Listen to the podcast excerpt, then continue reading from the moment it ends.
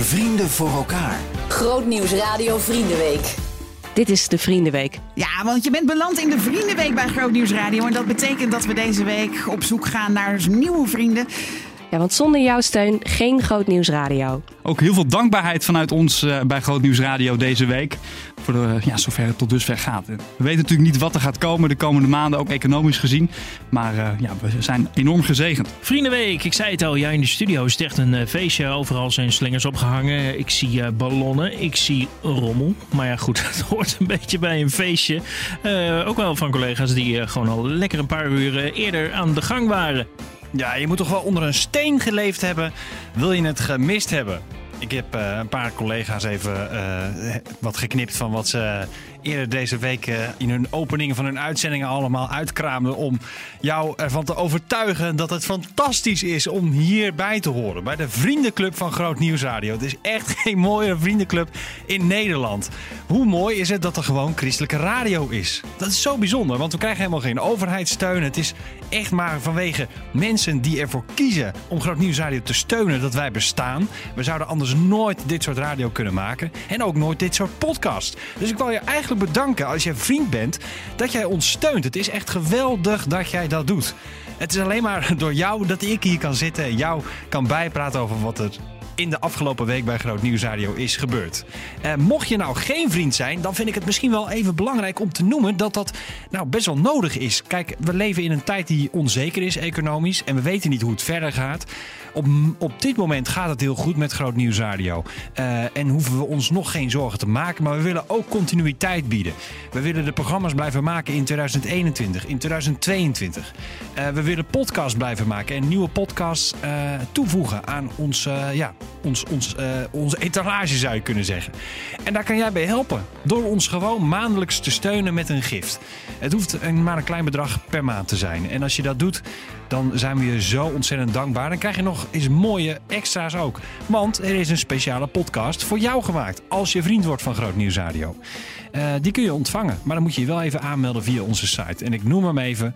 Dan uh, zijn we er maar meteen vanaf. Uh, maak er werk van grootnieuwsradio.nl vriend grootnieuwsradio.nl slash vriend. Ga er naartoe, meld je aan en kom bij deze fantastische vriendenclub.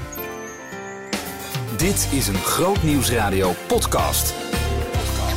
Met Maurits Reinoud. Week 48 is het, waaruit de fragmenten komen in ieder geval van deze podcast. De wekelijkse podcast van Groot Nieuws Radio, waarin we je een overzicht geven van wat je zeker niet gemist mag hebben. Straks een ijzerscherpe Arie de Rover in Bijorieke. Maar eerst even aandacht voor uh, een bijzondere actie van Vluchtelingenwerk Nederland. En uh, toen ik erover hoorde, toen dacht ik, ach, wat is dat mooi eigenlijk.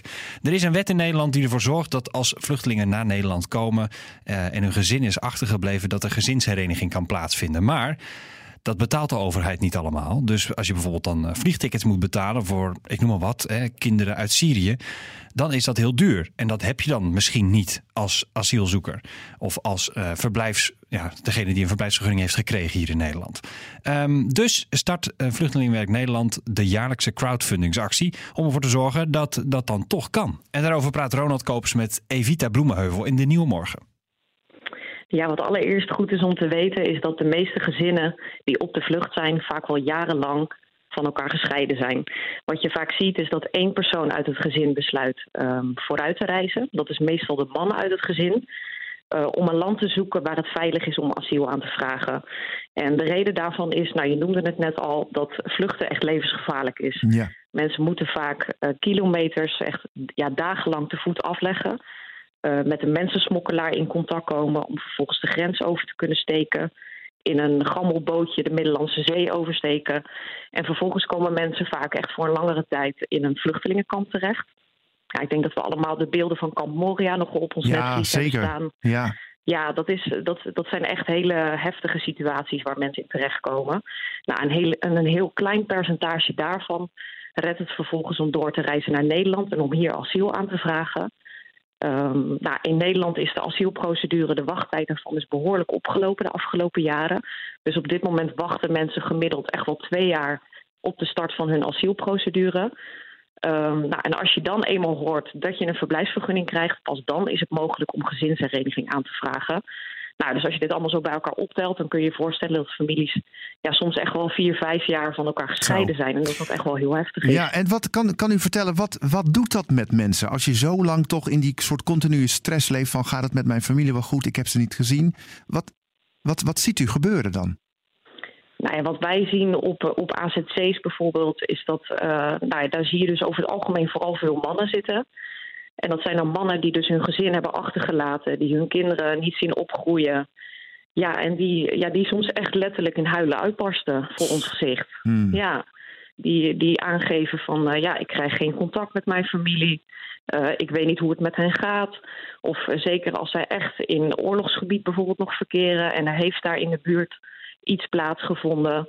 Uh, ja, dan kunnen die zorgen behoorlijk oplopen. Ja. En dat is echt wel uh, ja, heel heftig om te zien. Ja, Ja. U, u had het net over dat prachtige woord gezinshereniging, want dat is, dat is wat we willen. Ja. Heel concreet, hoe worden mensen uit oorlogsgebied gehaald en herenigd? Nou, ja, dat is ook nog behoorlijk ingewikkeld. Want uh, ja, we gebruiken nu het woord halen. Maar eigenlijk ligt die verantwoordelijkheid echt bij de vluchteling zelf. Uh, dus op het moment dat er toestemming is gegeven dat een gezin naar Nederland mag reizen, moeten zij eerst een visum afhalen. Mhm. Om uh, in het vliegtuig te kunnen stappen en aan te tonen dat zij naar Nederland mogen komen. En zo'n visum moet je dan ophalen op een Nederlandse ambassade. Nou, de meeste gezinsherenigingen komen uit landen als uh, Syrië, Eritrea en Jemen.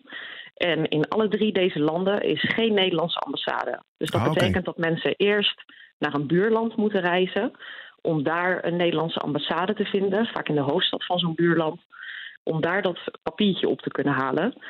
Um, nou ja, en nou, je kan je voorstellen, dat betekent dat mensen dus eerst een gevaarlijk gebied moeten verlaten, een manier moeten zien te vinden om daar te komen.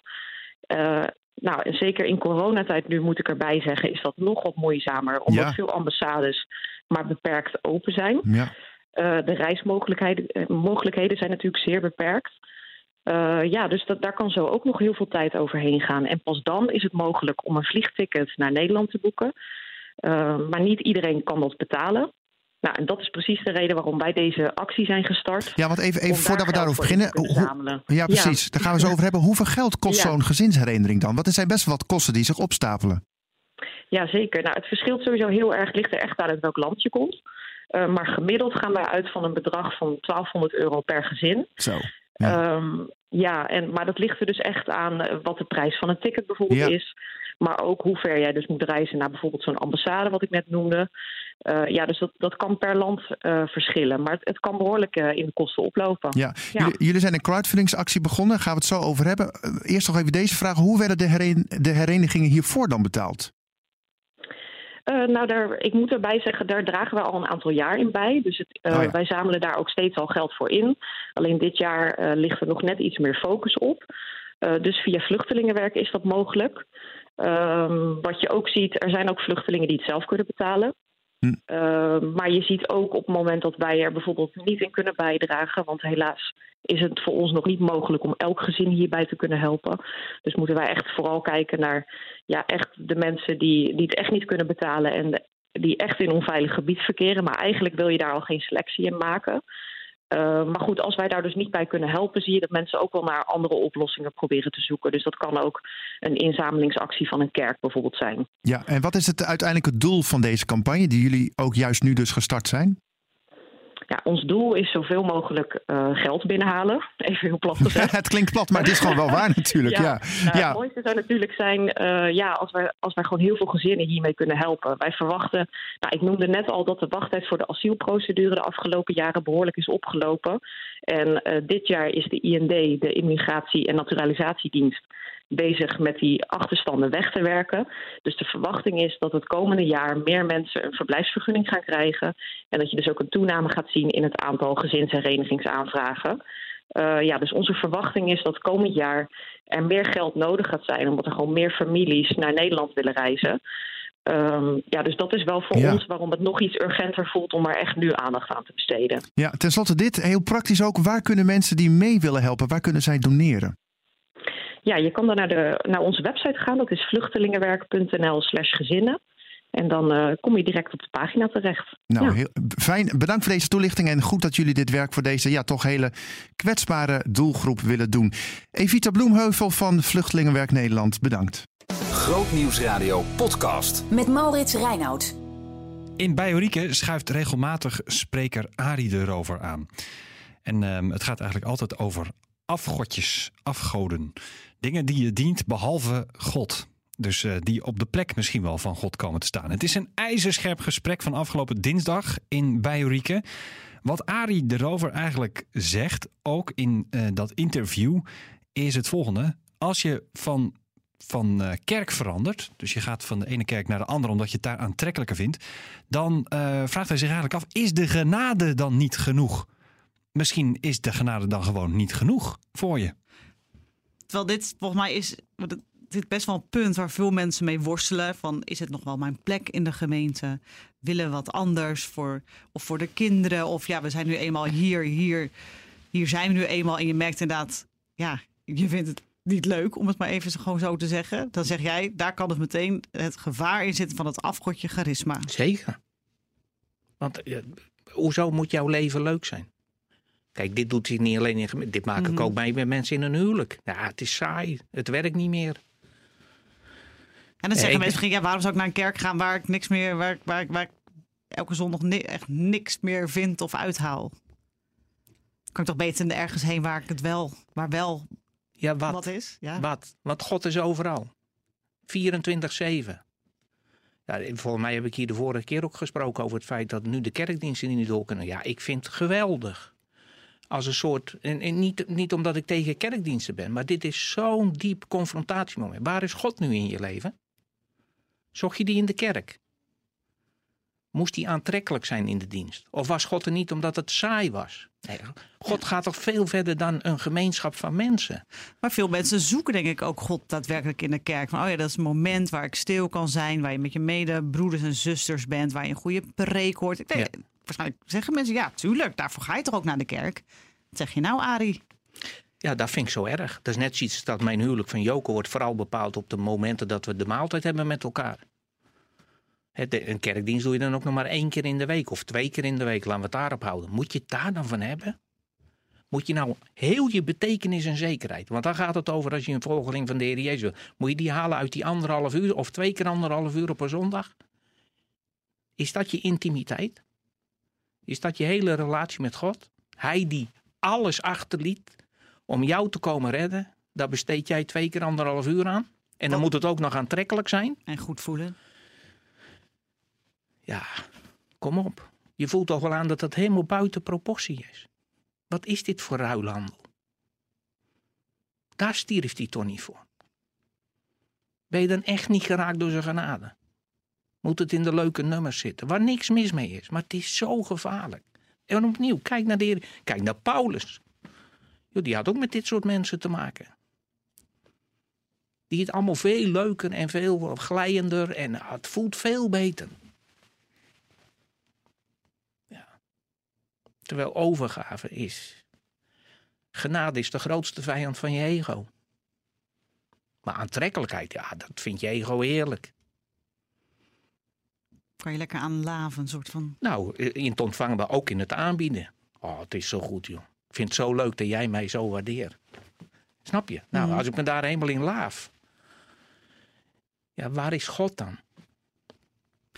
En wordt het pas dan echt gevaarlijk als, ze, als dan ehm, de aantrekkelijkheid waar je dan misschien onbewust voor koos. ehm, om, om bepaalde, nou ja, voor bepaalde leider naar een kerk te gaan. Of dat je inderdaad hè, daar onbewust door helemaal door beïnvloed wordt. Wordt het dan pas echt gevaarlijk als dat afgodje niet meer functioneert? Als de kerk dus niet meer aantrekkelijk is door ruzie? Of dat de leider een dubbel leven heeft? Wordt is het dan dat je denkt, oh ja, dan, dan kom je erachter van, oei, Dan is het niet gevaarlijk meer. Dan word je ontmaskerd. Of dan wordt de bron van charisma ontmaskerd. Nee, dat vind ik een gouden moment. Dat zijn nou gouden momenten voor genade. Dat je in een soort wake-up call wakker schrikt. "Oh, waar heb ik in geloofd? Waar ben ik eigenlijk achteraan gelopen? Maar het nare is dat we vaak ook op die momenten niet zo diep gaan. Degene die dan door het ijs zakt, wordt natuurlijk als zondebok weggestuurd. Kort geleden gebeurde dat ook bij een grote voorganger in New York. Hè, vanuit een wereldwijde club ook. Nou, die man bleek ook een overspelrelatie te hebben. En Nou, is iedereen diep, diep, diep geschokt. de- Iedereen is diep geschokt, maar het grootste risico wat we dan lopen met dat ego wat afhankelijk was van dat charisma, dat we ook gelijk alle, nou ja, etiketten plakken op zo'n falende voorganger. Dat is de grootste boef. Die moet eruit. Want dan blijven we zelf toch overeind. Dat is het. Dat is ook de functie van oordelen. Dat is ook een afgod, hè? Mhm. Moraal en oordelen. Dat je de ander de schuld kan geven, waardoor je jezelf weer een klein beetje optilt. Gelukkig ben ik niet zo slecht als. Oh, die is pas echt slecht. Hè? Want hij had charisma. Hij suggereerde zelfs dat hij het allemaal wist en ik ben er achteraan gelopen. Dus we geven dan liever de leider de schuld. Mozes maakte dat precies hetzelfde. Hoe vaak heeft hij niet de schuld gekregen van het volk? Had ons in Egypte gelaten. Nou zitten we hier. De, de boeman. Terwijl ze zelf hadden gezegd, oh wat waren ze blij met de verlossing. Ze knielden neer voor Mozes. Geweldig dat God ons verlost. Nou, we zitten een paar dagen in de woestijn en het gemiet begin al. Nou, dat doen wij ook met charismatische mensen die uiteindelijk toch bleken te falen. Net als elk mens. Mhm. Ja, die moeten we niet meer. Die moet eruit. Die heeft, nu, die heeft dubbel slecht voorbeeld gegeven. Ja, dus daar, is dan, daar, daar is dan ook geen genade voor. Klopt. Ik ben ook benieuwd hoe jij zou reageren. Als, nou, als ik volgend jaar met een verschrikkelijk schandaal aan het licht moet komen. Ben je er nog zo'n fan van me? Kan ik dan bij jou terecht? Mag ik dan ook hier op de zender? Of ben ik dan persona non grata? Dat woord alleen al, hè? Een persoon die uit de gratie gevallen is. Nou, dat gebeurt regelmatig met falende charismatische mensen. Dan word je een zondebok. En dan is het dus nog geen eens van. Ik, de, ik, ik stel mezelf wel eens voor, denk, oh ja, wat als uh, Arie nou van zijn geloof zou uh, vallen? Dat jij opeens zegt, ja, Jurieke, alles, uh, alles wat ik heb verteld, dat geloof ik niet meer. Ja. Dan denk ik inderdaad wel van, oh ja, wat zou dat met mijn eigen geloof doen? Ja. En dan denk ik toch bij mezelf, nou, dat zou ik denk wel erg vinden, maar ja, maar het zou denk ik niet mijn geloof aan het wankelen brengen. Maar wat jij daar net zegt, dat is natuurlijk wat anders. Of je de persoon ook gaat ja, de-evalueren eigenlijk. Ja. Ja. Ja. Ja. ik, hè, ik, ik, ik moet over een paar maanden moet ik aan het daglicht komen een verschrikkelijk immoreel drama. Ja, en ben ik benieuwd hoe vaak ik hier nog mag komen. En hoe leuk het dan is hier. Of het nog zo'n kermissfeer is. Ik ben überhaupt ook benieuwd hoor, of ik het überhaupt dan zou durven. Want daar heb je het alweer. In hoeverre heb ik dan ook nog steeds last van mijn ego en schaamte en schuld en uh, misschien wel veroordeling naar mezelf. Maar eigenlijk vragen we dus van charismatische leiders dat ze dus een soort perfectie, perfect zijn of zo? Ja. Ja, je wil, je, wil het, je, wil, je wil goddelijke eigenschappen erin hebben. Dus die mag ook niet falen. Een charismatisch leider mag eigenlijk niet falen. Die mag bijna niet menselijk zijn. Die moet iets meer hebben dan wij. Want anders kan ik niet leunen. En dan gaat de charismatisch, als je daar dus weer zelf gevoelig voor bent als charismatische leider, dan ga je daaraan voldoen. Ja. Maar dat houdt denk ik geen mens vol. Nou, het nare zelfs psychologisch is, hoe meer jij de schijn moet ophouden als sterke of krachtige man of vrouw, of gelovige en vrome man of vrouw, hoe groter het risico dat je in het verborgene enorm faalt en de plank mislaat. En hoe, hoeveel zijn er niet geweest die uh, donderpreken hielden tegen het een of het ander? En na een paar jaar moeten ze erkennen dat ze zelf de grootste zonde waren van die zonde waar ze altijd maar tegen fulmineren. Nou, dat is ook op een andere manier. Als je altijd maar met de liederen die je bijvoorbeeld zingt uit moet stralen dat je zo'n krachtig geloof hebt. En ik bouw helemaal op Jezus. Mm -hmm. hè? Je, wat zongen we net? Christ alone, cornerstone. Mm -hmm. Ja? Nou, dat is natuurlijk geweldig. Maar als je dat ook grotesk en charismatisch moet uitdragen. En je hebt het even niet. En soms heb ik die mensen in counseling. Die in de christelijke scene iets moeten zijn. Ja, dan kun je helemaal door je hoeven zakken. En dan houden we het dus eigenlijk houden we het dus met elkaar dus allemaal een soort van in stand. Klopt. We hebben dan elkaar een soort van nodig, maar het is... Ja, Juriki, je zou hier uitzendingen mogen doen. En je zou een periode van geloofstwijfel doormaken. En je moet hier maar enthousiast achter die microfoon zitten. En allerlei vrome en heilige teksten en hele christelijke sprekers uitnodigen. En boekenschrijvers. Ja, je verpietert. Ja, dat heb ik, mee, dat heb ik meegemaakt, ja. Nou ja, ik wilde het niet zelf zeggen, maar... Ja. Nou, je weet zelf hoe dat voelt. Ja. En dan is het zo'n zegen als je de ruimte krijgt om eens even af te schakelen. Ik ben even niet op het podium. Ik moet mezelf herpakken. En vaak maak je dan mee dat je bij een diepere bron uitkomt dan daarvoor. Maar je moet wel de tijd krijgen om die herbronning te doen. Om niet beschikbaar te zijn. Net als Jezus, die trekt zich terug op de berg alleen. Nou, wees er maar van overtuigd dat hij zijn vader weer zocht. En zei, pap, ze willen alles van me. Maar dit is toch niet de weg die u wilde? Nou, dat. Pittige boodschap van Arie erover. Het hele gesprek komt eh, in de Biorieke podcast. Ehm, zoals eigenlijk de hele serie met Arie erover, over afgoden. En ik ben heel benieuwd wat jij daarvan vindt.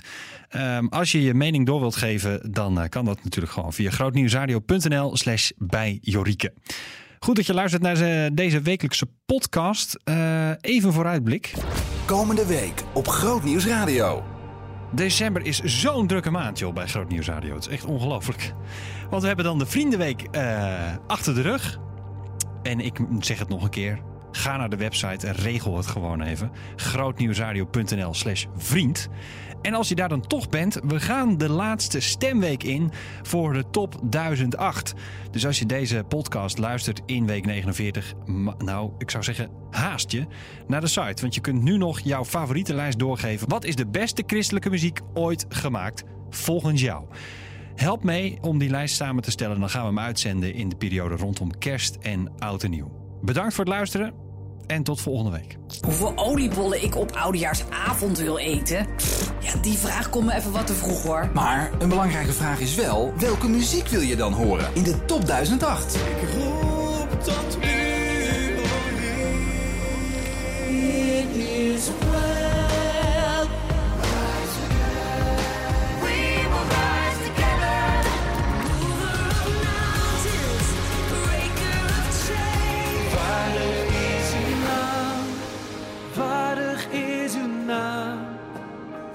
jouw stem door Voor de top 1008. via grootnieuwsradio.nl.